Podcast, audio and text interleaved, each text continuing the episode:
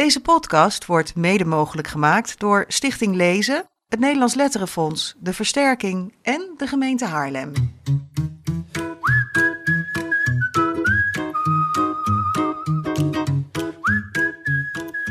O hou van mij en van mijn botjes en van de vlekjes op mijn huid en van mijn eigen stemgeluid en van mijn neus met harde snotjes en van mijn niet zo sterke spieren en van mijn vingers alle tien en van mijn ogen die jou zien en van mijn longen en mijn nieren en van mijn navel met een pluisje en van mijn kussenzachte kont en van mijn beetje scheve mond en van mijn tranen afvoerbuisje en van mijn kin en van mijn oren en van mijn armen allebei.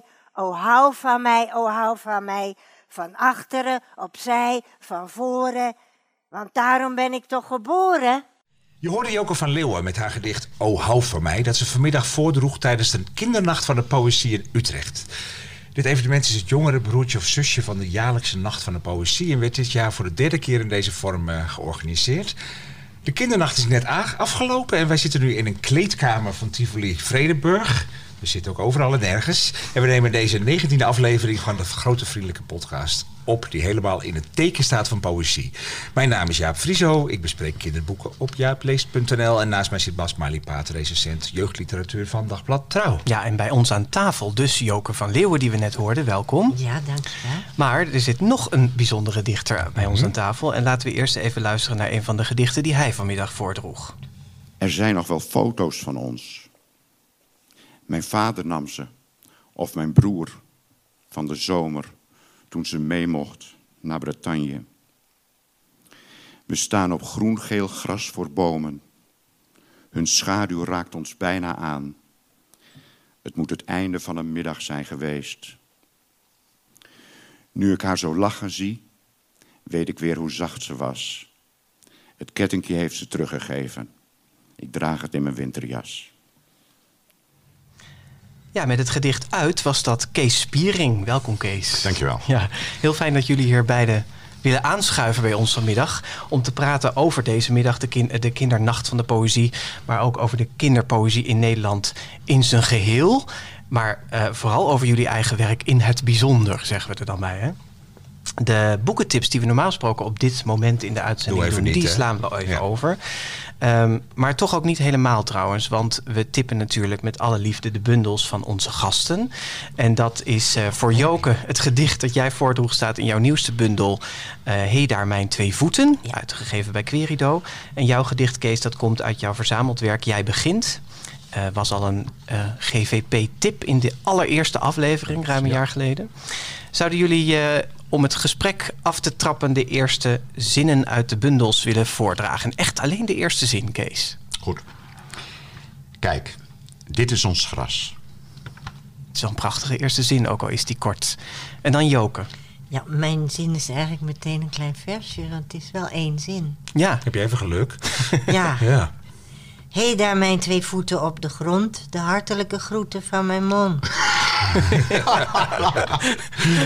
Dat was eigenlijk gewoon het eerste gedicht, hè? Dat was gewoon eerste, ja. ja en, daarom en, heet het zo, van die twee en titel, voeten. En het titelgedicht, ja. ja. ja. Nou, we gaan straks doorpraten over uh, waar een gedicht begint en of dat met zo'n eerste zin is. Maar is even over die, die kindernacht, die dan ja. vanmiddag blijft raar dat de nacht zich middags afspeelt. Maar dat is met kinderen nou eenmaal wel zo, hè? Wij, wij zaten in de zaal en uh, ik heb ervan genoten. Ja, ik ook, zeker. Jullie ook? Ja, ik vind het heel leuk om te doen. Ja. En, uh, ja, dat heet dan officieel interactie, weet je wel, met het publiek. Maar het is gewoon dat, wat kinderen doen. En uh, ze reageren meteen. En ze gaan ook altijd trouwens ergens zo gauw mogelijk vooraan zitten. Terwijl volwassenen meestal, als je iets voor volwassenen doet, blijft de eerste rij langs de leeg. Ja. ja. Dat zijn van die leuke dingen. Ja. Als je en ze steken ook rustig hun vinger op tijdens een ja. gedicht. Hè? En ik hou ervan als volwassenen en kinderen door elkaar of samen zijn. Ja. Dat ze van elkaar zien uh, dat ze dezelfde humor kunnen delen, bijvoorbeeld. En ze, ze viel me op dat ze wel echt luisteren ook. Ja. Ja, dat werd ingespannen geluisterd. Ja. ja. En het publiek was, eh, het kinderpubliek was rond de 7, 8 Ja. jaar. Jouw gedichten zijn over het algemeen, Kees, iets- voor iets oudere Ja, kinderen. daar maakte ik me ook wel een beetje zorgen maar dat over. ging hartstikke goed, hè? Nou, dat is fijn om te horen. Nee, maar je had een paar mooie gedichten echt over momenten die de kinderen hier ook wel herkenden, denk Ja, ik. ja. Er was alleen één gedicht, daar moeten we het toch nog even over Ja, dat hebben. was nogal controversieel. Ja, ja, het ging over dode hamsters. Hamster, hè? Ja, er was één Ja. jongetje die vooraan zat en die, had- die heeft een hamster. Want Ja. vroeg van wie heeft er Er stak één jongetje Ja. zijn vinger op. En, en in het gedicht ga- gaan er Toen zei je, doe maar even je oren. Ja. En ik, dat jong zat daar maar van, moet ik dit echt doen? Ja. En daarna hing ze met zijn mond zo'n beetje open. Oh. En, en, en met die ogen van, is dit allemaal wel leuk dat, dat hij doodgaat, Ja. mijn Ja, hamster? Ja, Ja, ja, want ja. hamsters leven maar drie dagen over het algemeen. Dan gaat het gedicht Bij mij, bij mij wel, Ja, maar bij mij ook, volgens dat jongetje worden ze 16. Ja, ja, precies. Maal 7. Eh, Ja. we vroegen ons toch even af, hoe, hoe kies je nou gedichten om op zo'n middag voor te dragen? Want niet elk gedicht leent zich voor zo'n performance, hè, denk ik. Joke? Nee, er zijn gedichten die ik graag doe, omdat ik weet dat die eh, goed overkomen en dat, dat ik ze ook graag doe. Je bent wel echt een Ehm, performer ook, hè? Je- ja, ik heb vroeger ook in het cabaret gezeten, Ja, officieel, maar dat is lang geleden hoor, dat is Ja. wel in de vorige eeuw. Het is nog steeds te merken. maar Ja. ik, doe het, eh, ik doe het nog wel graag, heel graag, ja. ja. en- Maar en- niet meer officieel dus. Maar wat moet een gedicht dan hebben om aan te slaan bij dat publiek? Nou, ik denk iets inderdaad van, eh, het moet iets eh teweeg brengen. Het kan humor zijn, het kan herkenning zijn, plezier om de taal, dat soort dingen allemaal. En, en ja, sommige teksten lenen zich beter om, om hardop te, te lezen. Je deed ook je beroemde O Zo Happy, maar dan samen met de zaal. Hè? Dus jij deed een regel Ja. en dan mocht de zaal die ja, naast dat doe ik graag als Ja. afsluiter. Ja. Maar bij jou is het iets minder interactief, hè? Jij leest Absoluut, ja. meer voor. Ja. ja. Ja, bij mij is het meer, eh, ja, conservatief bijna. Zo niet als dat, eh, dat Een hele doen. behoudende. Iedereen Ja. moet zijn mond houden en Kees. Nou, dat zeker. Voor.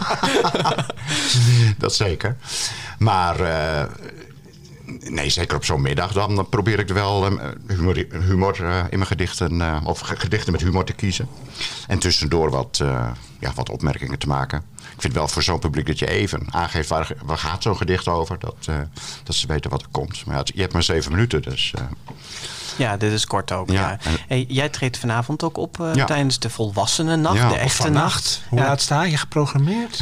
tussen eh, kwart over tien en kwart voor elf. Oh, dat valt mee. Ja, dat valt mee. Je hoeft er niet om half één of zo. Nee. drie uur. Nee. Ja. Maar Nee. de- draag je dan eh, dezelfde soort gedichten voor? Of kies je dan volwassenen Nee, poëzie? ik, Want, heb, ik heb er toch voor gekozen om jeugdpoëzie voor te dragen. Oh, En ehm, Wat goed. ja, daar, volgens mij was dat ook de bedoeling. Ben ik daar, eh, ze waren op zoek naar iemand, vorig jaar was het geloof ik Edward, Edward van der Vendel. En ze waren op zoek naar iemand die zowel ehm, ja, kind, voor kinderen als eh, volwassenen eh, leuk is. Dus eh, ik Ja. kreeg Ja. dat eh, Ja. eervolle verzoek. en jij bent ook leuk voor volwassenen. Dank, dankjewel. Maar ja, goed, voor, vanmiddag maakte ik me zorgen van zijn ze niet te jong?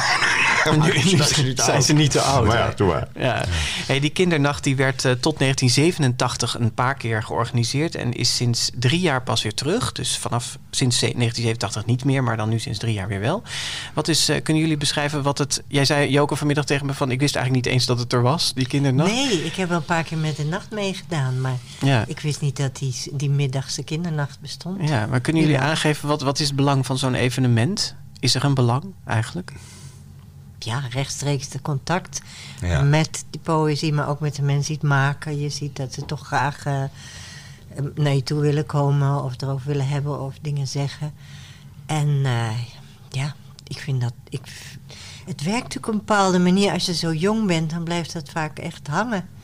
Ik, ik weet nu nog, even een ander voorbeeld, maar over hoe, hoe diep dat kan gaan. Ik weet nog dat in de eerste klas, wat hier dan nu groep 3 heet, dus heel lang geleden voor mij, kwam een glasblazer demonstreren. Ik ben het nooit vergeten. Ik vond het. Oh, ja, zo ja. fantastisch dat hij met zo weinig dingen, dingen kon maken. Ik zou het nou kitsch vinden natuurlijk, maar dat doet er niet toe.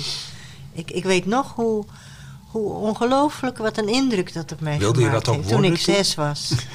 Nou, ik wou dingen maken, maar meteen Ja. van glas. Maar ik vond het wel, eh ja, breekbaar, ja, hè? ja, maar op die leeftijd is dat allemaal zo nieuw. Nou ja, en hoe zo. dat, hoe dat dan. En, en nu krijg ik dat natuurlijk ook nogal eens terug van mensen. Jij was bij, of u moet zeggen ze dan.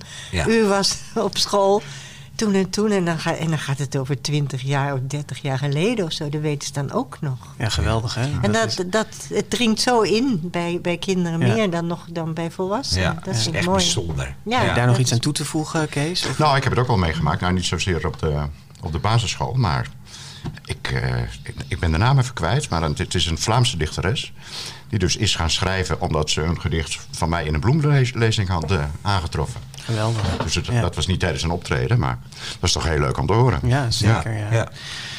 Hey, we hebben eh, eh, heel veel met jullie te bespreken, maar we willen jullie allebei eerst nog wat beter introduceren aan de Doe jij luisteraar. Kees? Ik doe Kees. Oké.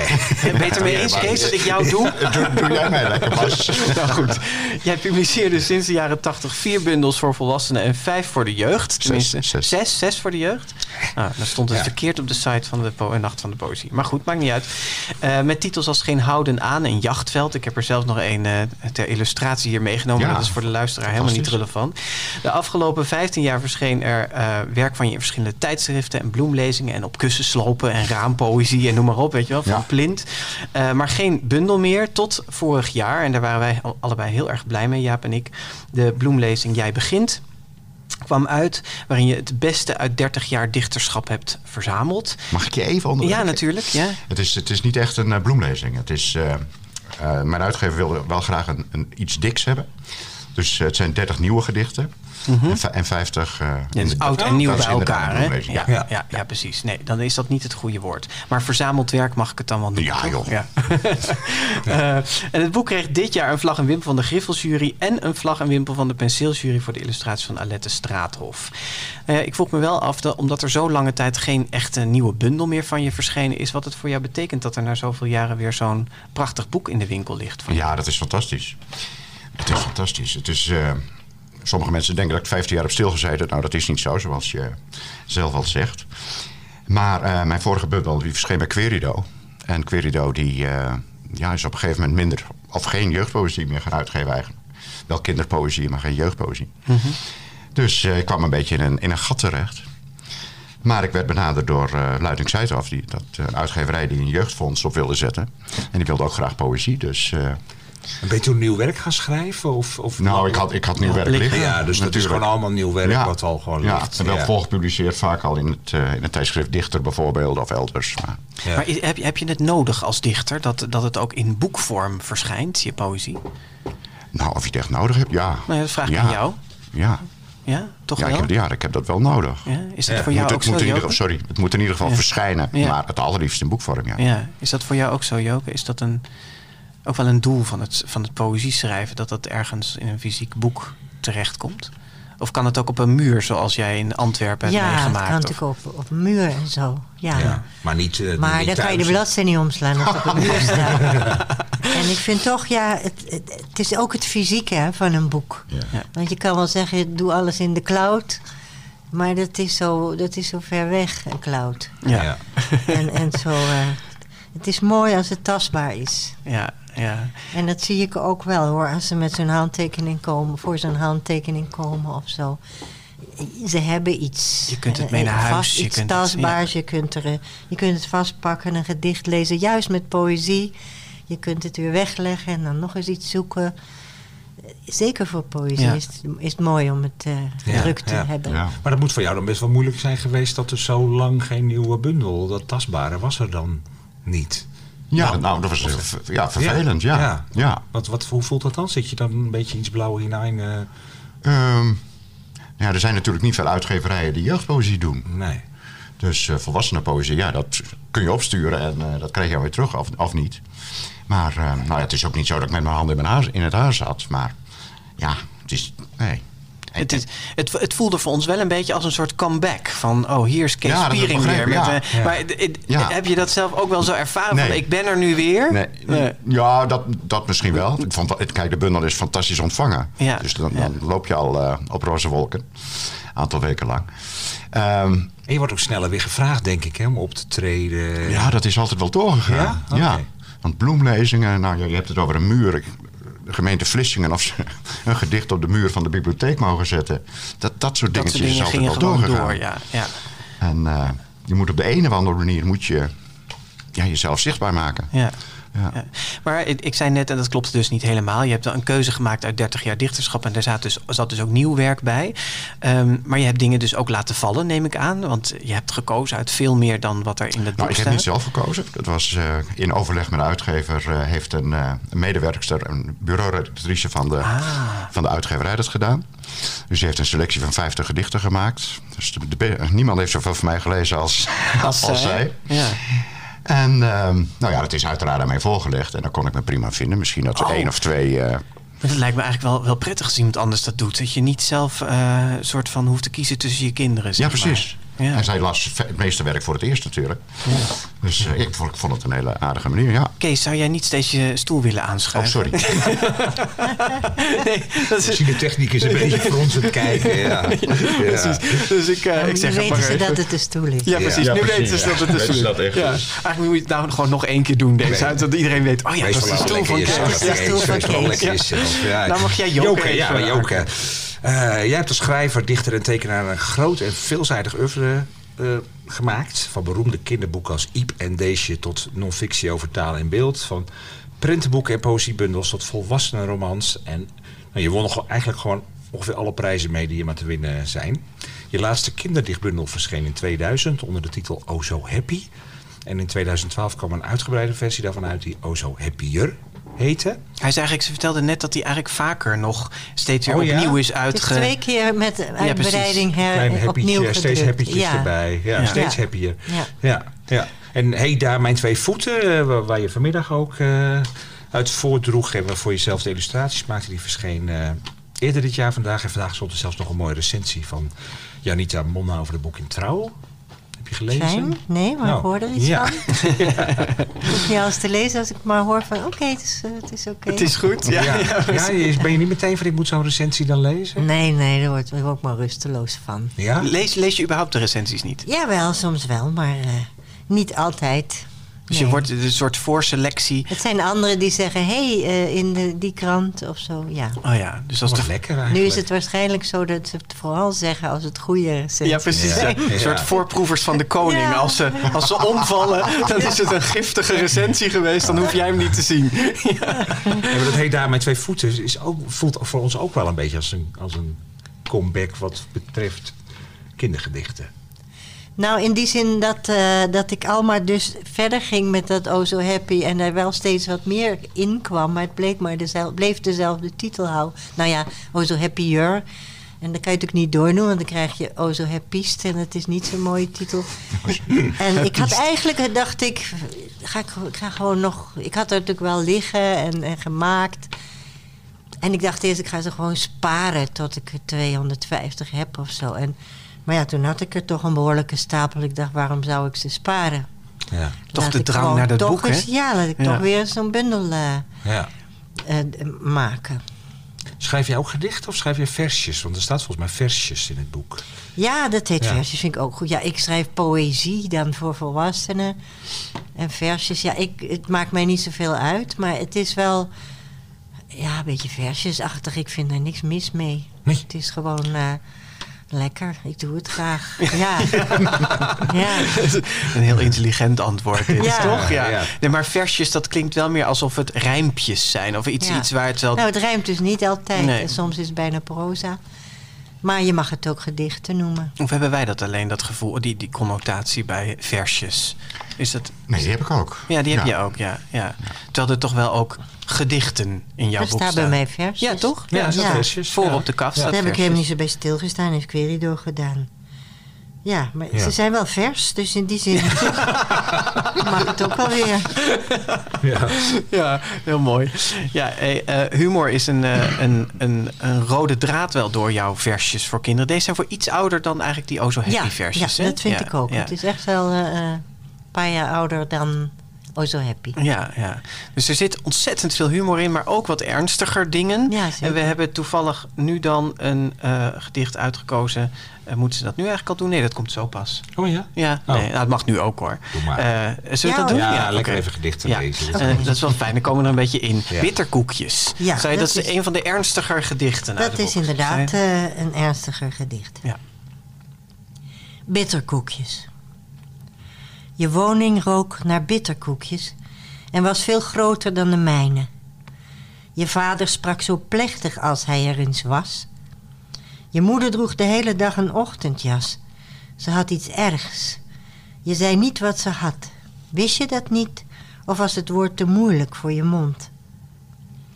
Je had veel speelgoed. In je kamer stond een kleine kist met een familie poppen op de bodem. Ik weet nog dat we stoeiden, dat je mijn lange haren in je handen nam en er een vlecht van maakte. En dat je, als ik wegging, nu al zei en vroeg wanneer ik kwam. En hier die laatste regel, toen zei de redacteur, moet het niet zijn wanneer ik weer kwam? Ik zei nee, ik wil juist dat er staat wanneer ik kwam. Alsof ze alweer weg is. Het Ja. is nooit genoeg eigenlijk dus. En we hebben net eh, de eerste regel van je bundel gehoord. Nou, dat is eigenlijk een voorbeeld van eh, de wat vrolijker Ja. versjes in je bundel. En dit is toch echt wel een, een vrij serieus Dit gedicht. Is, dit is een serieus Ja. gedicht, ja. Zullen we eh, ook Kees even Ja. laten voorlezen? Dan hebben we nog weer... voor te vragen. Maar ja. Nou ja, Ja. We, we gaan gewoon kriskras door het draaiboek heen. Maakt ons het uit. We hadden bij jou uitgekozen, Kees, eh, het gedicht Stille Zaal. Er zit een geel plakkertje bij in, je, in de bundel. Eh, want jou, veel van jouw gedichten in jouw bundel gaan ja, over beginnende tieners, zou je kunnen zeggen. Hè? Over eerste liefdes, over pesten, over scheidende ouders, over cijfers op school, noem maar op. En Stille Zaal is dit. Stille zaal. Gisteravond, geloof ik, eindelijk echt ge- gekust. Annemieke, op het feest van John. Vergeten wie begon. Besloten in de kamer, lampen uit. Toen, ik weet niet. Lippen aan elkaar met open mond. Lege stille zaal met rond plafond. Zo stonden we te wachten op wat niet gebeurde. Verder geschuifeld, anders dan daarvoor. Er was iets voorbij en begonnen. Ja, die, laatste zin vind ik echt heel prachtig. Er was iets voorbij hem begonnen. Want dat, dat tekent ook die periode waar je eigenlijk Ja. over schrijft. Hè? Ja, ja, ja. Ik vind het zo lastig bij poëzie. dat Je, je moet eigenlijk nooit willen weten waar het over gaat. Hè? Of het nooit echt uitgelegd willen hebben, toch? Je moet het tot je nemen. Ja, ja, Ja. Ja. Ja? Nou ja, ik zeg zelf Ja. altijd, ik hou, het mee, ik hou het meest van poëzie. Ik voor het grootste deel begrijp, maar toch een beetje, een be- beetje raadselachtigheid in blijft. ja. En waar je ook je eigen ding gewoon Ja, waar- kan, ja, eh, dat- ja. Dus halen. Ja. nee, voor mij hoeft het niet te worden uitgelegd. Nee. Ja. Waar komt zo'n gedicht als deze vandaan? Dit is puur autobiografisch. Ja. Ja. Ik put heel veel uit mijn eigen eh, puberteit. Maar ook uit de, de periode daarvoor. En ook uit de periode daarna. Dus, eh, Maar die puberteit lijkt wel eh, vooral een hele poëtische voedingsbodem voor jou. ja, de, de Morgen heeft het ooit eh, puberpoëzie genoemd. Oh ja, nou, dat ja. dekt de lading wel. Had je ja. zo'n enorme puberteit? Ik heb een... eh, ik heb een eh, nou ja, in mijn puberteit er heeft een enorme scheiding plaatsgevonden. Ik was een, ik was een vrij klein... eh, nou ja, ik ben nog wel vrijgezet, maar... ik was een klein, dik eh, jongetje. Mollig jongetje. En ik was gek op schrijven en op tekenen. Maar ik ben opgegroeid op de Schelling. En eh, nou ja, daar telden schrijven en tekenen niet, kan ik je mededelen. Ehm, nou, niet zo goed in sport. eh, ja, iets wat merk ik vaak in mijn gedichten terugkomt... is dat een vader die zelf mijn haar knipt. Dus mijn vader knipte zelf mijn haar, dus ik liep er echt belachelijk bij. en, eh, Het is allemaal gewoon traumaverwerking, jouw gedicht. ja, nou in dat opzicht wel. Ja. En toen in, eh, en, en ik had ook nog een hele zware bril op. Terwijl dat eigenlijk helemaal niet nodig was. Maar mijn moeder had gelezen dat heel veel kinderen slechte ogen hadden en geen bril. Dus die ging er maar vanuit, ik geef hem gewoon een bril. Raar haar en een dikke bril. Ja, dus dat was allemaal niet zo prettig. En toen, eh, tussen de eerste en de tweede klas van de middelbare school... toen maakte ik een groeispurt door. En ik heb mijn bril door midden gebroken. Ik maakte ook een psychologische spurt door. En ik heb tegen mijn vader gezegd... nou, als je eh, ooit nog aan mijn haar komt, dan eh, loop ik weg. Of zoiets. En ik kwam weer op school. En ja, toen, toen begon het eigenlijk. Ja. de meisjes kregen aandacht voor me. En, eh, Jij werd ik werd, op mijn vijftiende was ik aanvoerder van het vo- voetbalteam. En eh, ik- complete metamorfose. Dus in die zin is de puberteit belangrijk geweest. Dat is Ja. een belangrijk jaar voor je. Ja. En, de- Ja. en daar ga je dus ook vaak naar terug in die gedichten. En jouw gedichten, Joke, die zijn eh, ehm, eh, vaak ook heel speels. En daardoor ook wat ja, geschikt voor ook hele jonge kinderen. Is dat... ehm, Dat is eigenlijk gewoon huppelen in je geest. En dat kan je je hele leven blijven doen. En heeft ook wel weer eh, verband met, met humor. Ik vind humor, ik ben helemaal niet zo'n zo'n jolig type, maar ik vind humor echt een heel belangrijk iets eh, als levenskracht, om het zo eventjes mooi uit te drukken. En ik, ik ervaar het ook altijd als een soort evenwicht in mij tussen zwaar en licht. Dus ja, want je nooit, bent best nooit een alleen maar licht. een serieuze ja, mevrouw. en- Als ik je vanmiddag voor het optreden zie, oh, denk, nou, er staat een serieuze mevrouw. Maar als je op dat podium staat, dan... Ja. Oh, de microfoon gaat om. Dan staat daar een, een, ja, een performer die, die, Ja. die humor echt wel heeft. Ja, maar de humor, ik, het is toch altijd dat evenwicht tussen het, het zware of het moeilijke en, en het lichte. Eh, Het, humor heeft niet zoveel waarde als er niet ook die, die bodem in zit van de Ja. andere kant Hm. voor mij. Ja. Dan wordt het alleen maar lol en daar heb ik geen interesse in. Put jij op dezelfde manier als Kees uit die ervaringen en, en gevoelens van vroeger? Nou, ik denk, ik heb natuurlijk in mijn puberteit ook een belangrijke ervaring gehad dat ik op mijn dertiende naar Brussel verhuisde en op een Vlaamse school kwam in, de, in het Vlaanderen van de jaren zestig, wat nog wat anders is dan het Vlaanderen van nu. Dus eh, op een gevoelige leeftijd dat je toch al denkt, eh, wat gaat het allemaal worden en hoe groot wordt mijn voorgevel en al dat soort vragen. Ehm, dat je opeens in een situatie komt, dat ik in een situatie kwam waarbij niets meer vanzelfsprekend was. Eh, alles wat vanzelfsprekend was geweest was typisch Hollands of typisch protestants. Je deed je mond open en je werd meteen gecategoriseerd, want je had een, andere G dan de Vlamingen. Ehm, er waren vooroordelen. Er was een lerares die zei, eh, toen ik een keer de het huiswerk niet begreep, want ik was hartstikke verlegen nog. Die zei, als jij het allemaal beter denkt te weten, eh, eh, zoals al die Hollanders, ga je maar terug naar je eigen land. Oh, dus ja? dat soort dingen heb ik dus op een gevoelige leeftijd meegemaakt. En daar heb ik uiteindelijk natuurlijk erg veel profijt van gehad. Omdat ik heel jong leerde ja, dat, dat niets vanzelfsprekend is. Dat je een ander perspectief kan nemen. Maar het was natuurlijk wel een ervaring op die leeftijd. Ja. Om zo de- te worden en daar, verkast. put, daar put je ook nog uit, zeg maar. Dan. Ja, onbewust natuurlijk Ja. ook vaak. Maar ik zie dat het toch wel telkens terugkomt. Ook wel in mijn romans. Ik bedoel, mijn laatste roman hier... die dan over, eigenlijk weer over een grenssituatie ging. Eh, ja, en dat, bij die kinderboeken komt dat ook nogal eens En in terug. je kinderpoëzie, want daar hebben we het nu vooral even over. Ja. Heb je daar een duidelijk voorbeeld van? Of dat je denkt, oh, dat, is- dat, zit daar, dat komt daar vandaan? Of, Ja, dan zou ik dat even hebben moeten zoeken. Maar Mhm. ik, d- het zit wel, voor mijn eigen gevoel zit het altijd ergens Ja. in. is, is er iets wat jullie, eh, misschien wilde ik die vraag net stellen, van, is, is er iets wat jullie in kindergedichten of kinderpoëzie kwijt kunnen, wat je niet in een andere vorm kwijt kan? Of een roman, of een hè, eh, proza voor kinderen? Of is er iets wat, wat, wat om een kindergedicht vraagt? Nou, misschien dat, dat eh, je, ben, eh, je, je zet je toch op een plek, of je, je neemt het perspectief weer aan van een beginnend mens, dus van een frisse blik. En eh, in die zin kan het je veel geven omdat je die frisse blik aanneemt. En, en je moet natuurlijk eigenlijk, poëzie is dat al überhaupt, hè, dat je zoekt naar nieuwe woorden, nieuwe zinnen. Dus eigenlijk ook als je voor volwassenen schrijft, heb je iets van die frisse blik over je. Maar dat kun je natuurlijk ook wel heel goed eh, gebruiken in kinderpoëzie. Ja.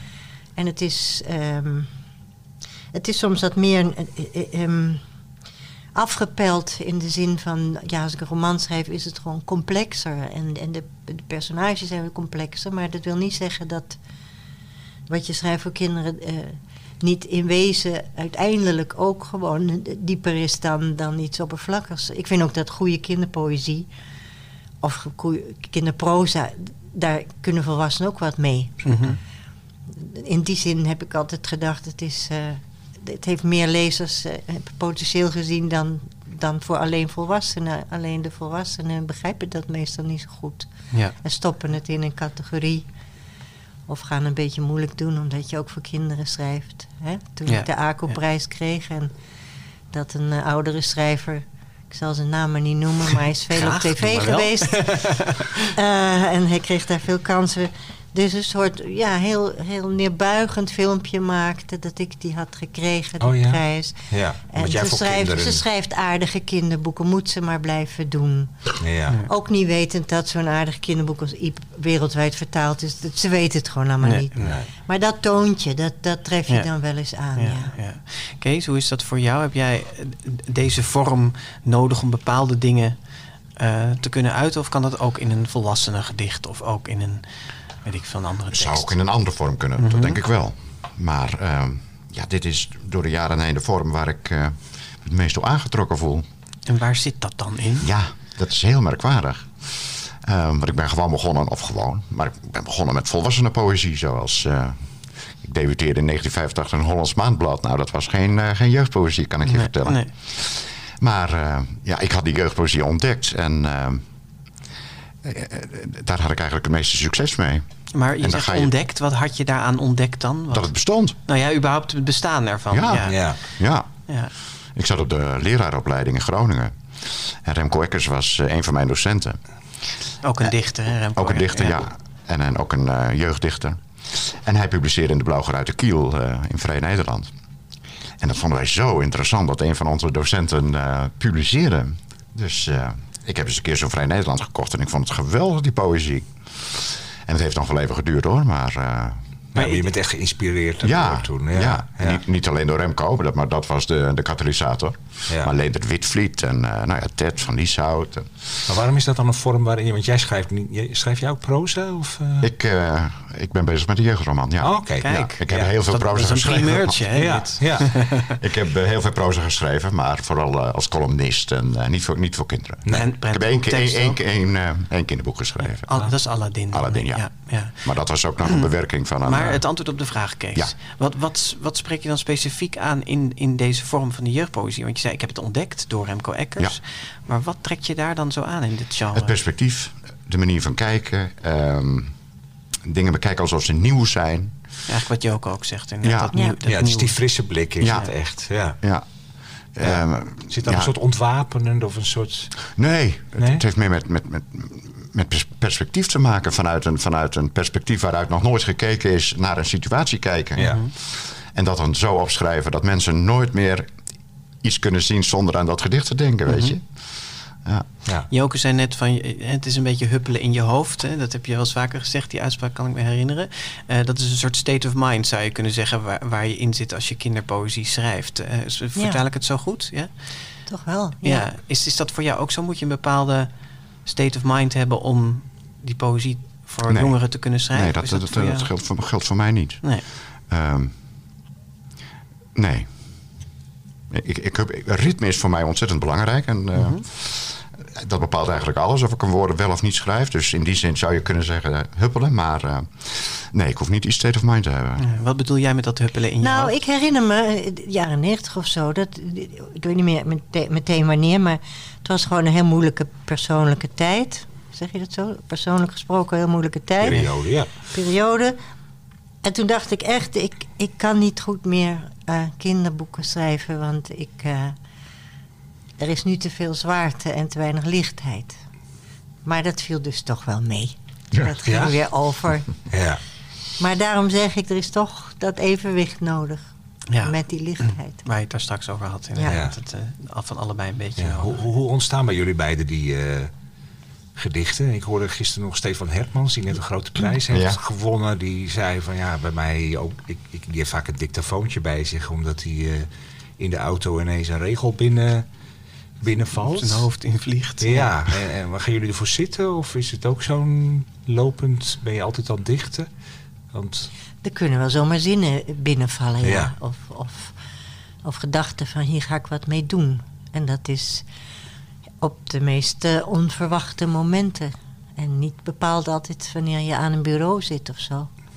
Ik kan ermee wakker worden of eh, zomaar als ik eh, boodschap aan doen ben dat ik dat krijg. en wat doe je er dan mee? Ja, dat.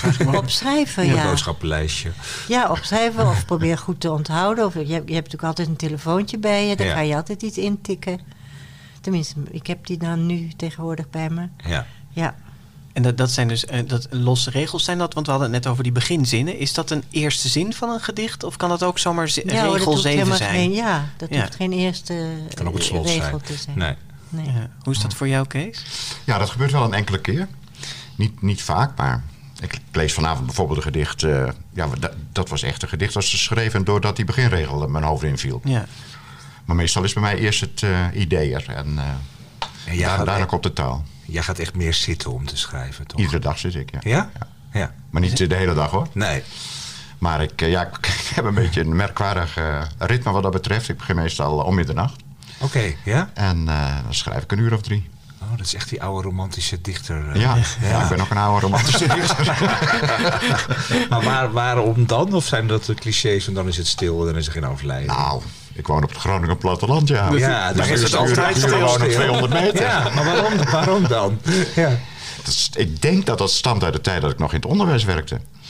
Eh, ik heb tot... eh, nou ja, ik heb een aantal jaar in het onderwijs gewerkt. En nou ja, dan ging je overdag, eh, gaf je les. s S'avonds eh keek je na. Maar ik heb altijd poëzie willen schrijven. Dus ik schreef dan laat en ik sliep... Of ik schreef tot laat en ik sliep weinig. Ja. En eh, dat ben ik blijven doen. Maar het klinkt wel heel ambachtelijk dus. Dus gewoon achter je bureau Ja. en schrijven. Ja, Ja, ja. En als die gaat, dan gaat het niet. Dus dan... ja. Maar ik, eh, nou, ik ben bijvoorbeeld, ik heb in de journalistiek gewerkt en eh, ik ben tekstschrijver geweest. Dus nou ja, dat soort dingen doe ik overdag het meer. eh, ja. ja. Ja, dit hoort be- hoort een beetje bij de nacht, echt. ja, voor mij wel, ja. Ja, voor jou ook? Oh nee, ik slaap, ik slaap dan. Ja, ja. Nee, ik Heel ben een ochtendmens. Ik, Ja? Ik, Oh. Ja. Ik, eh, ik ben het beste bezig 's morgens en ik begin ook vaak vroeg 's Vroeg. morgens. En wat ja. is vroeg? Echt eh, Nou, voor dag ik, en ben, dauw? ik, ik- ik sta om een uur of zeven op en Ja. het gebeurt vaak genoeg dat ik om een uur of acht eh, bezig ben. Ja. Ja. ja. Maar s'nachts nee. Nee. Nee, alsjeblieft. Is, is het, is het eh, eh, ploeteren en schaven dat ge- gedichten schrijven? Of eh, staat het er ook wel eens in één keer? Nooit. Bij Mij Nooit? niet. Bij mij niet, nee. Nee? Nee. Er Dat zou nooit gebeuren. wordt altijd aan gesleuteld. Ja. Ja, het gaat altijd... eh, En, en- mijn snelste gedicht, daar ben ik nog weken mee bezig. Ja, ja. echt waar, zo lang? Ja. Maar weet je dan ook wanneer het af is? Eh, Of is het ook... Ja, nou, nou, ja, na al die jaren eh, Ja? is ontwikkel je daar natuurlijk wel dat gevoel pielen voor. met woord. Het is op de vierkante millimeter. Ja. Dus, dus dan Ja. kun je ook maar door blijven Ja. gaan, lijkt me. Nee, nee, dat is niet waar. Nee, het is wel een keer af. Ja. Dat je voelt Ja, van... op een gegeven moment is het een keer af. Ja. Ja. Ik heb een hele wijze les geleerd ooit van eh K.L. Pol. Ik weet niet of die naam jullie... ja, zeker. Die Ja, naam die oude, criticus. Hè? Ja, precies. Of oude En, criticus, een voormalig Nou criticus. dat was de, het enige redactielid van het Hollands Maandblad. En ik heb, ik heb nog eh ja, een hoofdredacteur. en verder was er niemand. En ik denk dat ik die man wel twintig keer gedicht heb gestuurd. En ik kreeg altijd kreeg een briefje terug. Altijd. Met tips erin. En geen lullige tips, maar echt. En één tip zal ik nooit vergeten. Hij schreef mij: U laat te veel vocht toe tussen uw woorden. Mooi. In de zin Ja. van, ja. En ik begreep wel wat hij bedoelde. Bijvoorbeeld, je zult in mijn poëzie niet zo heel veel eh, en bijvoorbeeld aantrekken of maar, de voegwoorden. Ja, dus in die zin ben ik, eh, ben ik veel aan het schrappen. Ja, dus dat is, dat is een beetje een ander woord voor ruis eigenlijk. Ruis in je Nou gedichten. ja, onnodige dingen. Ja, ja. Maar die had je eerst wel en die... Heb... Ja, ja, ja, ja, precies. dat- ja. ja. Nou ja, onverbodig, maar ja, lidwoorden, voegwoorden, dat zijn vaak niet nodig. Nee. Ben jij ook zo'n schaver en schrapper en eindeloos herschrijver? Joke? Nee, niet op die manier. Soms staat het er in één keer. Soms, eh, zoals nu, die poëzie voor volwassenen. Dat stroomde. Je bent bezig met een nieuwe bundel. Dat, die, die of komt die, die uit, komt ja. uit, ja. eh, Dus dat, dan stroomt dat. Maar soms duurt het ook langer. Maar dan leg ik het weg. En dan kan het zijn dat ik over straat loop en denk... oh nee, niet dat woord, dat woord. Op die manier. Maar eh, En herken je de, de, de, de- het te veel vocht tussen je... nou, ik hou wel van en. En, en geeft een soort drive aan, aan uh, Ja, je doet het Ja. inderdaad wel Ik veel. hou ja. veel van het woordje en. Ja, en dan ja. in herhaling. Ja, En- nee, en- en- verschrikkend zo. Ja, Ja, mooi. precies. Dat- Ja, dat doe ik ook wel, hoor. Ja. Ja. Maar jij bent natuurlijk ook veel meer een multi... eh, ja, talent kan ik niet meer zeggen, maar iemand die ook, ook tekent. Hè? Wat Ja. door jou in Ja. jouw boeken ook een soort combinatie eh, Ja. vaak oplevert. Is dat wisselwerking? Of, of eh, schrijf je eerst en teken je dan? Of, eh, Nou, dat is soms een wisselwerking. Ik heb de, de laatste boeken die ik maakte, maakte ik dus helemaal op de Wacom-tablet, dus op de computer. Oké. Eh, en ook de teksten zelf. Eh, en nu bijvoorbeeld heb ik een net iets af in eh, enigszins dag, dagboekvorm, maar ook verhalen ertussen. Ehm, en dat heb ik dan ook helemaal zelf eh, vorm gegeven en Ja. met beelden. En ik heb een soort handgeschreven letter, een beetje, een beetje kinderlijk, maar niet te veel gemaakt. En die kan je dan invoeren en dat wordt dan een lettertype. Oh ja, ja, die blijft gewoon. En dan eh, blijft ja. het als lettertype en dan kan je ermee typen. Dat soort dingen. Dus het is wel een combinatie dan van verschillende dingen. En ja. be- begint het ook wel eens met een tekening en dat je denkt, oh, daar zou dat gedicht, wat, wat je nog moet verzinnen, bij kunnen? Dat weet ik niet zo gauw. Ik heb het wel gehad met, met optredens. Dat, dat eh, mijn pianisten, mun, hè, tussen aanhalingstekens... Carolien Deutman, dat ze een mooie melodie had... en dat ik daar dan eh, muziek op maakte, ja. Eh, ged- een gedicht op Poëzie maakt. ook. Een Of poëzie, ja, dat is ja. dan... eh, eh, sorry, ik zei Ja, muziek. Ja, ik ja. bedoel natuurlijk tekst, eh, Ja. ge- Ja. gedicht. Ja. Eh, vorm, daar wil ik het ook nog even over hebben. Want bij jou valt het enorm op, eh, Joke, in eh Hey daar mijn twee voeten. Dat, nou, je, kunt zo gek niet bedenken of er staan steeds wel weer, eh, soms heel traditioneel, hè, de, het uiterlijk van een gedicht. Soms staan daar allerlei woorden op een pagina. Ja. Eh, ehm, eh, hoe belangrijk is dat vormenspel voor jou? Dat is altijd belangrijk geweest. Maar sinds dus eh, ik ook met Photoshop en zo kan werken... kunnen er allerlei dingen die ik vroeger ook wel wou... maar niet op die manier kon maken. Mhm. Dus inderdaad, ook nu ben ik bezig met, met, dat met die laatste bundel... Heden mijn twee voeten... om eh, een soort samenspel te maken tussen beeld en, en Kun je er een voorbeeld van geven uit het boek? Wat je zou Nou, kunnen beschrijven voor de luisteraar? Ik heb bijvoorbeeld eh, een gedicht gemaakt. Dat is eigenlijk, het zijn allerlei. Dat is een, een- een gedicht. Ja, dat zijn eigenlijk allemaal kreten van mensen. Die heb ik in verschillende lettervorm gedaan. Op een gekreukeld papier. Lees je even een stukje? Of, eh, of ik heb hier. eh, ja, allerlei ja. eh, kreten en, en eigenlijk allerlei scheldwoorden. Ze staan in een soort kartelige En die staan in een tekstballonnetjes soort kartelige tekstballonnetjes. eh, met, met ha- harde letters. En het einde is dan, zijn echt hele softe lettertjes. Dus dan zie je aan die lettertjes ook wat voor... eh, dus het is helemaal niet, dat is dus helemaal geen schattig gedicht. Het gaat zo... Zakkenwasser, krotenkoker, zwembadplasser, hakhoutstoker, drollenraper, mierenvreter, modderschraper, zwavelzweter, scheve kikkerbil met saus erop, spruitensnijer, appelkakker, broekenbreier, keutelbakker, scheitenbever, speekselslikker, pezenwever, snottenpikker. O, zoetje, zalmpje, scheetje, schattenkop. Ja, en hier, hier speelt de typografie en, en die tekstballonnetjes Ja, dat spelen echt een rol. Hè? Ja, want ja. wij spraken in een van de eerdere afleveringen met Ted van Lieshout. En die is heel erg bezig, Ja. zegt hij ook zelf, met dat eh, uit dat boek de, de, de, de grenzen van het fenomeen boek eigenlijk op te rekken. Ja. Herken- herken- wat, wat vind je daarvan? Herken Ja, dat doet hij zeer. En dat doet hij ook zeer, ehm, hoe noem je het, typografisch vooral. Ja, typografisch. Zoals naar het laatste boek, dat, dat, die, die, die- dat gevecht tussen de rode en de zwarte letters die elkaar eh, Maar mijn vraag is eigenlijk, ben jij daar ook een beetje mee bezig? Ja, maar wel op, weer op een andere manier. Mijn manier en misschien met meer beeld erbij. Vergeleken bij wat zijn laatste dingen zijn. Ja, maar Ja. wel, ja, zoals hiervoor. Het boek wat ik nu net gemaakt heb, ik weet nog niet wat de titel wordt, is dan weer voor iets oudere kinderen dan een boek wat ik ook op de computer heb gemaakt. Dat was eh, Toen ik. Ja. Eh, allemaal verhaaltjes dat een jongen dat vertelt. En daar heb ik ook bewust zo gedrukte tekst, handgeschreven, tekeningetjes overal. Ook met het idee, niet, niet, niet het vooropgezette idee, maar wel het idee van...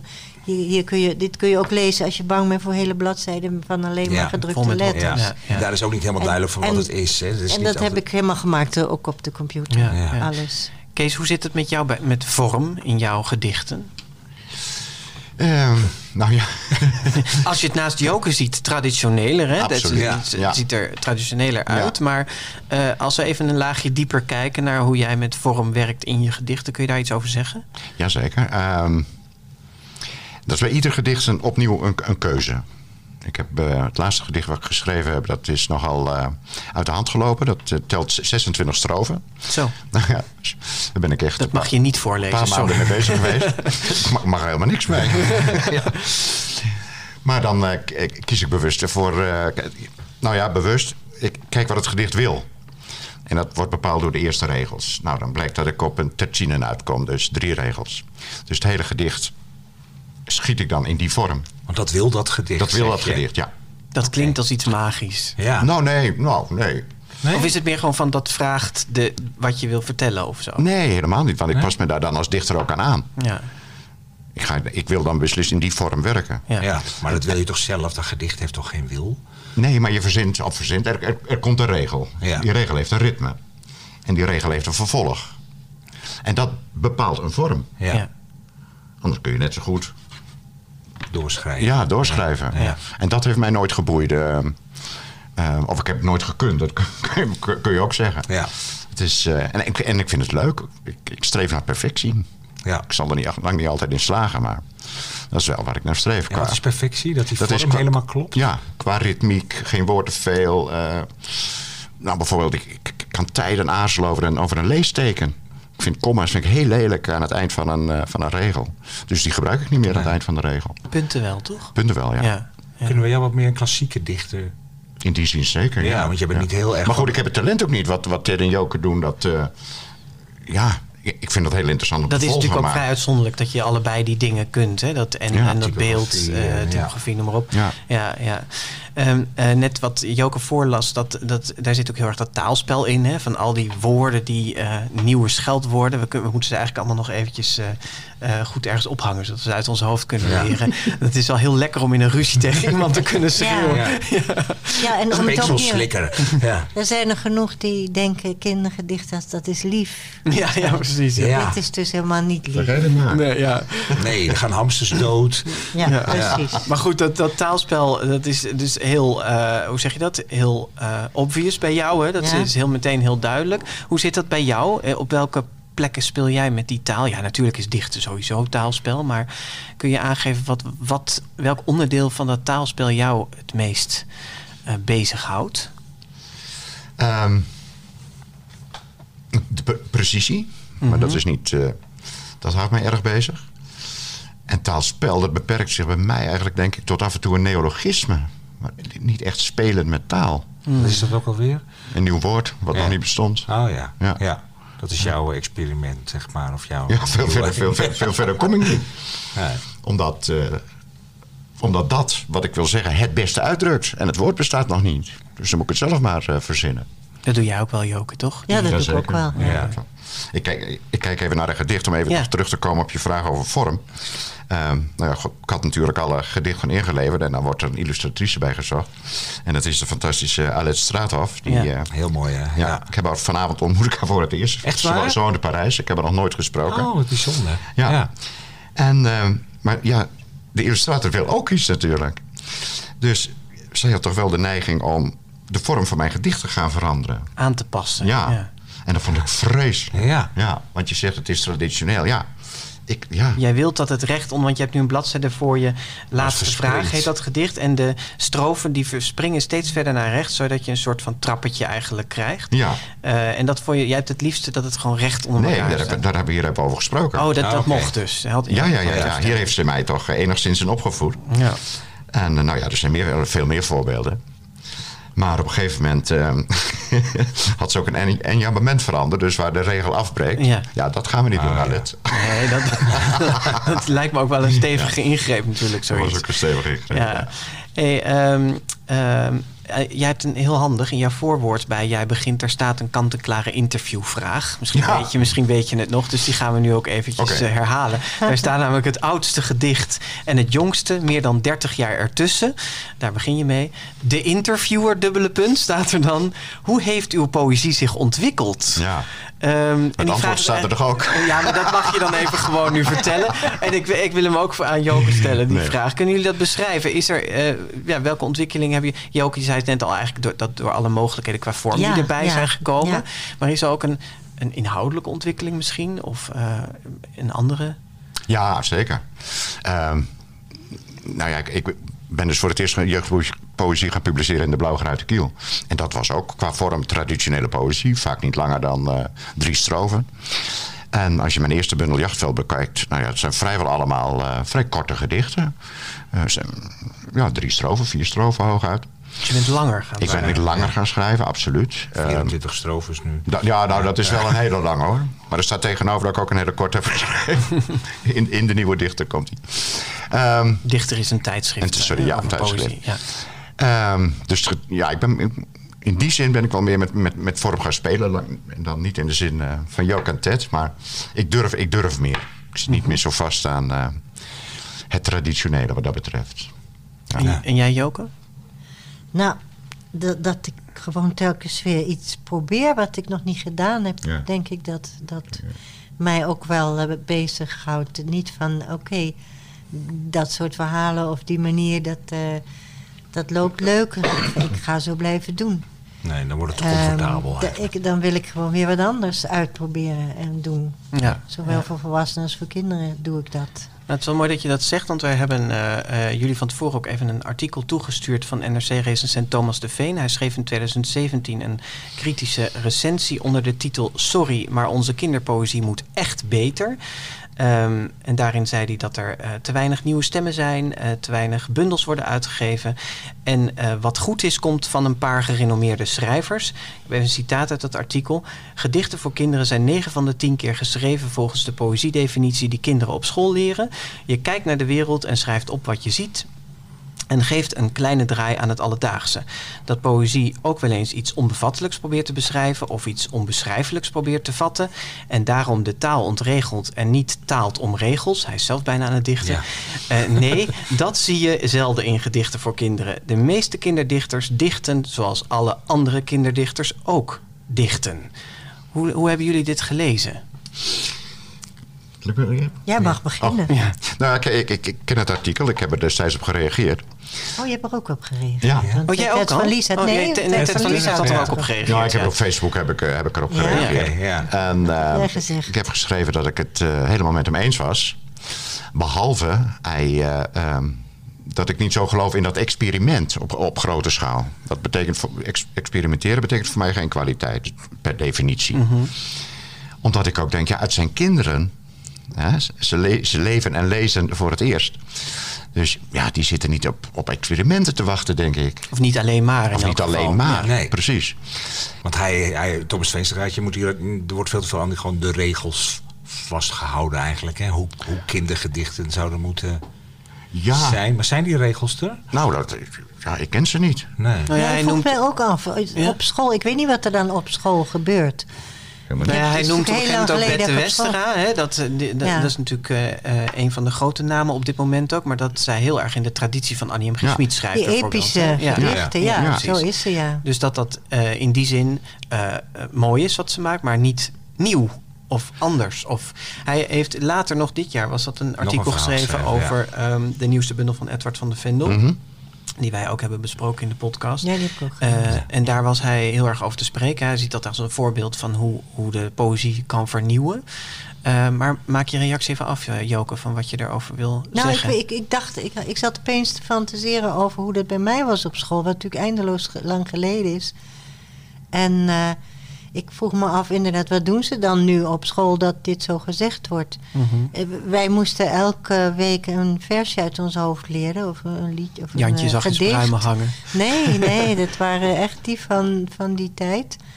Dus onder andere Annie Smit.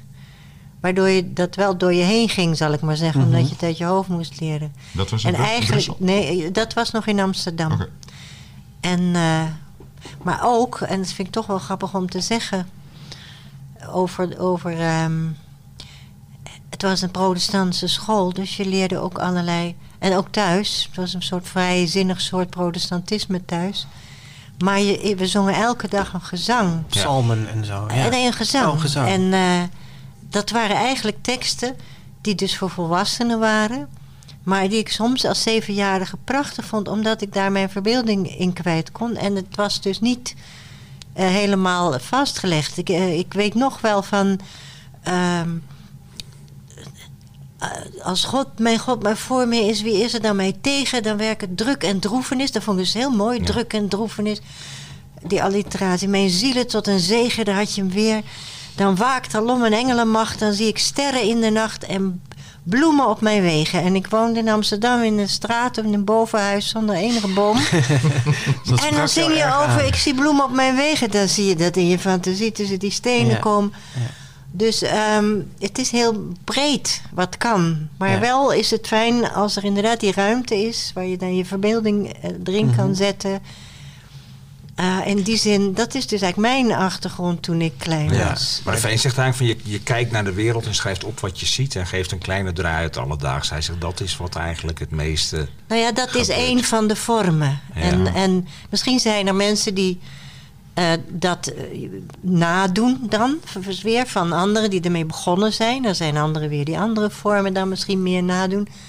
Maar dat kunnen ook dezelfde mensen zijn die op een fantastische manier weer in hun leven poëzie naar kinderen toe brengen. Mhm.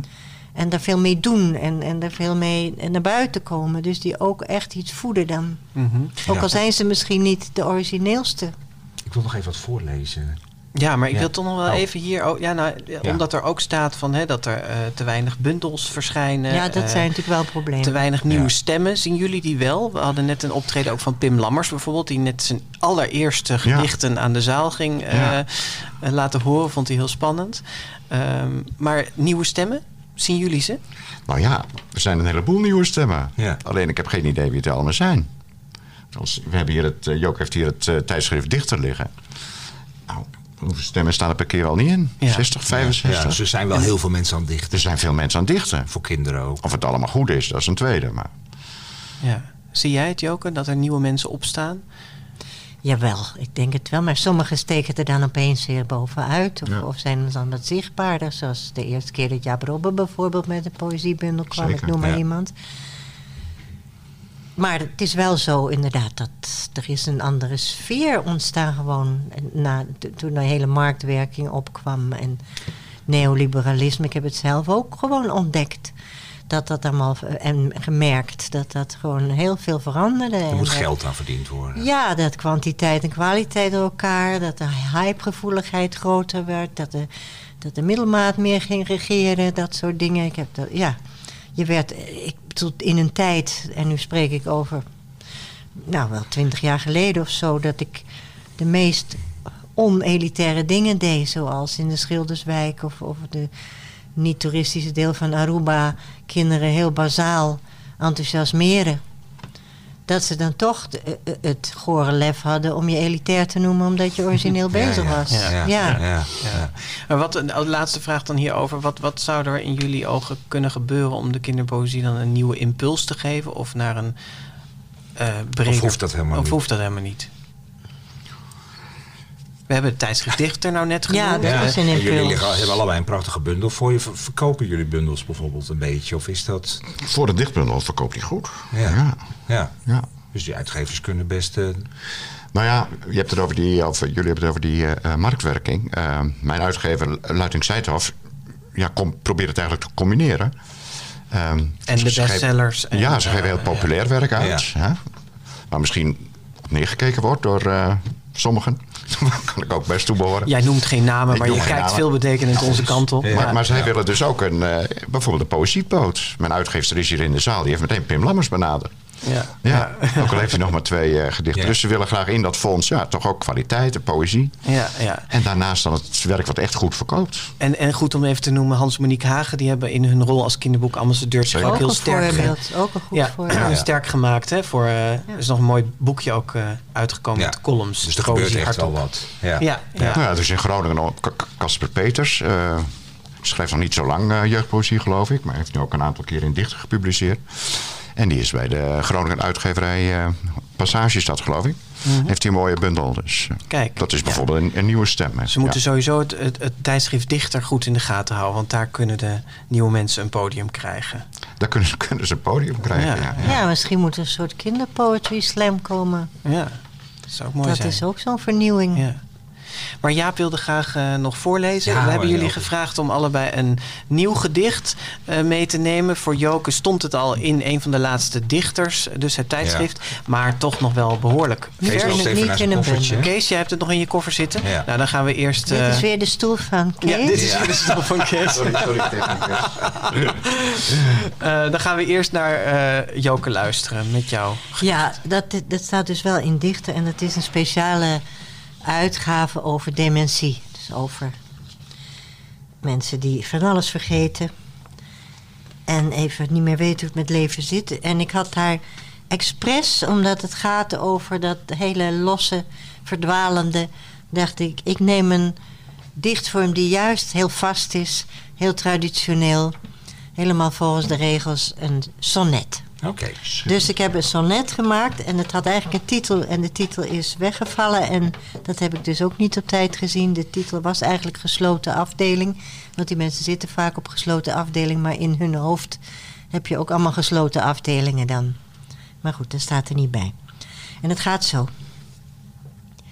Te leven en dat leven te vergeten. met zijn gedonder jagen en doe maar dik. Voorgoed verstrikt geraakt in eigen ik.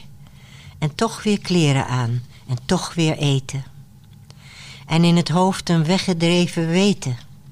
En in de ogen die verdwaalde blik van vaag verbazen, van onvaste schrik, om wie er op bezoek zijn, hoe die heten.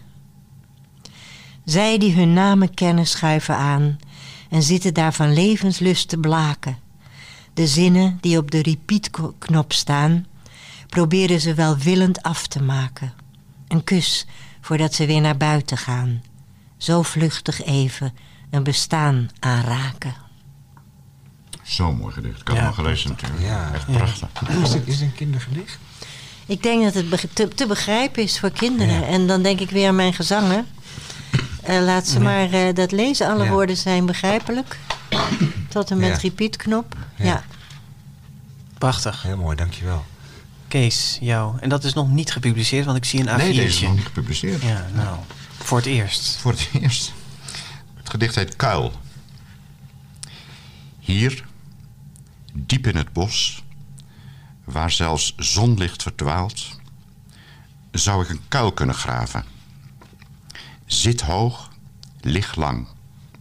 Breed genoeg voor slaapzak, lantaarn, batterijen, lucifers, metalen emmer om in te stoken, blikken soep, ravioli, flesje maggi, stripboeken, flessen frisdrank, mes. Takken eroverheen. Hoe lang zou het duren voor ik de honden hoorde? Zou ik bang zijn s'nachts? En wat nadat de politie mij had thuisgebracht? Straf? Of zouden ze het eindelijk begrijpen? Ja. En wat dan? Ja. Ja. Ja, geen idee. Ja, ja. En die honden, dat, kon- dat zijn we helemaal vergeten te zeggen, Ja. maar die zitten ook heel veel in jouw gedicht. Ja, hè? dat jouw klopt. honden. Ja. Je bent een hondenman. Ik ben een hondenman. Ja. Dat is, kan ik niet ontkennen. Moet Prachtig. kunnen. Ja, Ja. Is wel, het is niet meer zoveel als vroeger hoor. Maar eh, daar is alles wel over gezegd. Maar, Ja. Straks eh, horen we de laatste zin uit jullie bundels nog, maar eerst even dit. De grote vriendelijke parel. Er staat pas één eh, dichtbundel op onze parelplank. Het hele schaap Veronica. Die heeft eh, Ted van Lieshout erop gezet van uh, Annie M. G. Schmid. Maar nu komt daar verandering in. Want we vroegen jullie allebei om een poëtische parel mee te nemen. Kees, wat heb jij... Oh, ik zie het al. Ja, Ja, je- je hebt de naam al genoemd. hè? Nou ja, jullie vroegen om een dichter die belangrijk, of een bundel die belangrijk eh, voor, Ja. mij- voor mij is geweest. En daarom heb ik eh, ja, symbolisch Hariken in sneeuw van eh, Remco Eckers meegenomen. Ja, je oude docent. Mijn oude docent. En eh, nou ja, degene die mij op het spoor van de jeugdpoëzie heeft gezet. Eh, hij heeft hiervoor, dacht ik, als eerste een zilveren griffel Ja, gekregen. klopt, in Er werd- 1985. werd niet eerder een, Ja. eh, een zilveren griffel aan jeugdpoëzie Poëzie, gegeven. Ja. Ehm, ja, oh, ja de, de luisteraars kunnen het niet zien, maar een bundel als deze zou dus niet meer kunnen. Hè? Nee, maar hij ziet er wel En prachtig waarom zou je niet meer uit. kunnen? Nou ja, dat heeft Ted onder andere eens uitgelegd. Er staan geen illustraties. Nee, het nee. is echt een dichtbundel. Het is echt een dichtbundel. Ja. We gaan er een eh, fotootje van op onze jeugd. site zetten. Voor, Voor oudere, oudere jeugd. jeugd, ja. Ja. En kun- je ehm, in een paar regels vangen wat, er, wat je er zo goed aan vindt aan zijn poëzie? Ehm, ik, ik vind dit de beste bundel die hij die, die gemaakt heeft. En het was voor mij... eh, ja, god, ik ben zoveel jaar ouder. Maar toen ik dit voor het eerst las... Dit had ik nog nooit gelezen. Hè, ik, ben al, ik ben groot geworden met, met, met Nijhoff en eh, echt de klassieke Ja, dichters. Dus dat je ook zo voor jeugd kon. Ja, dichten, het was iets ja. totaal nieuws. Het Ja. was dus echt de, de, de, een poging om de kloof tussen Annie M. G. Schmid en, en nou ja, de volwassenen poëzie te overbruggen. Ja. Op initiatief van Leonard Witvliet. Die is er als eerste mee begonnen, voor zover ik weet.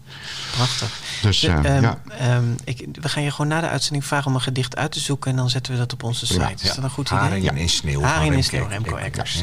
Joke.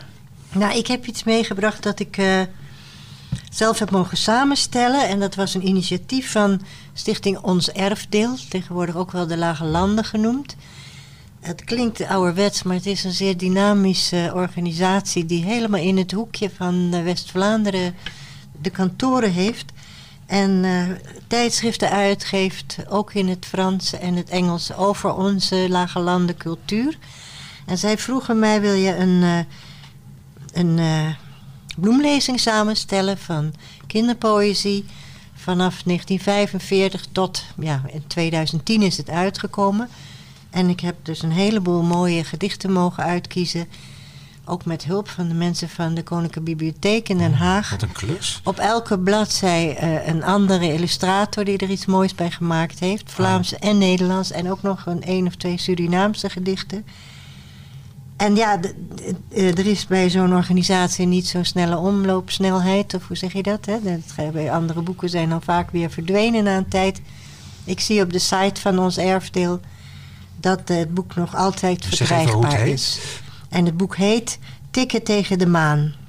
Waar heb je die titel aan 50 ontleend? aan een van de gedichten. Ik weet uit mijn hoofd niet meer van wie. Ik geloof van Daniel Biljet, maar dat weet ik niet zeker meer. 50 kindergedichten uit Nederland en Vlaanderen.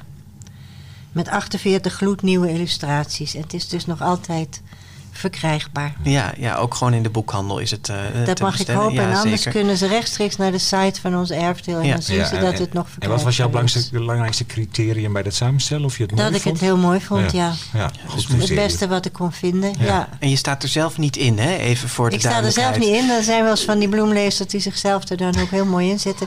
Nee, dat heb ik niet gedaan. Heel goed, heel goed. Ik wel. Staat, staat Kees erin? Ik heb Oh alleen, hij heel verbaasd. Nee, nou, nee, nee, helemaal dat niet je verbaasd. toch? ik heb alleen een omslagtekening. Oh ja, Oh mooi. dat De is- maan. ja. Is inderdaad een parel. Ja. Schitterend voor elkaar. En heel mooi uitgegeven. Ja. Eens even zien of eh, de laatste zin uit Hey daar mijn twee voeten ook een heel gedicht is, Joke. Eh, zou je hem willen voorlezen? Eh, Nou, even kijken. Hè. Volgens mij is het een hele strofe, ja. maar niet een heel gedicht, maar wel een hele strofe. Het laatste is... Zou iemand over honderd jaar op oude foto's zien... hoeveel die lijkt op mij... en mij een mens van vroeger noemen... iemand van voorbij... Iemand van voorbij. Mooie laatste. Ja, wel heel mooi. Ja, en Kees? Nou, als ik alleen de laatste regel lees, dan Nee, het laatste slaat zin, helemaal nergens op. Laatste De laatste zin. zin. Ja. Maar je vertellen hoe grensloos lief je me bent, kan ik ook dan nog niet. Dat je zo'n goede dichter bent. Ook een mooie laatste. Ja, over Laatste 80 jaar heet het gedicht. Ja. Eh, kunnen mensen terugvinden in jouw bundel Jij Begint. En eh, dat is trouwens wel leuk. We hebben een kortingsbonnenactie op dit moment eh, op de site vanwege ons eenjarig bestaan. Ja. En Ja. sorry Joke, jij zit er niet in, maar Kees wel met Jij Begint. Ja. Dus mensen kunnen de bundel met, eh, ik geloof, 2 euro korting kopen. Zo. Volgens mij is die zonder die 2 euro ook nog heel goed betaalbaar. Die Dat is, dat is Zo is dat. Mensen rennen naar de boekhandel voor Ja. deze beide dichtbundels. Ja, Eh, ja. Hey, hartstikke leuk dat jullie hier zo even wilden blijven. Nou, Eh, genoegen. en, en, en jij heel veel succes zometeen op de. Nacht van de Poëzie. Jij gaat lekker naar huis. eh. Ik ga weer naar Antwerpen, Ja, precies. Ja. Nou, bedankt voor dit eh, gesprek. Jouw werk, eh Joke, verschijnt bij Querido. Dat van jou bij Leiding Zuidhof, Kees.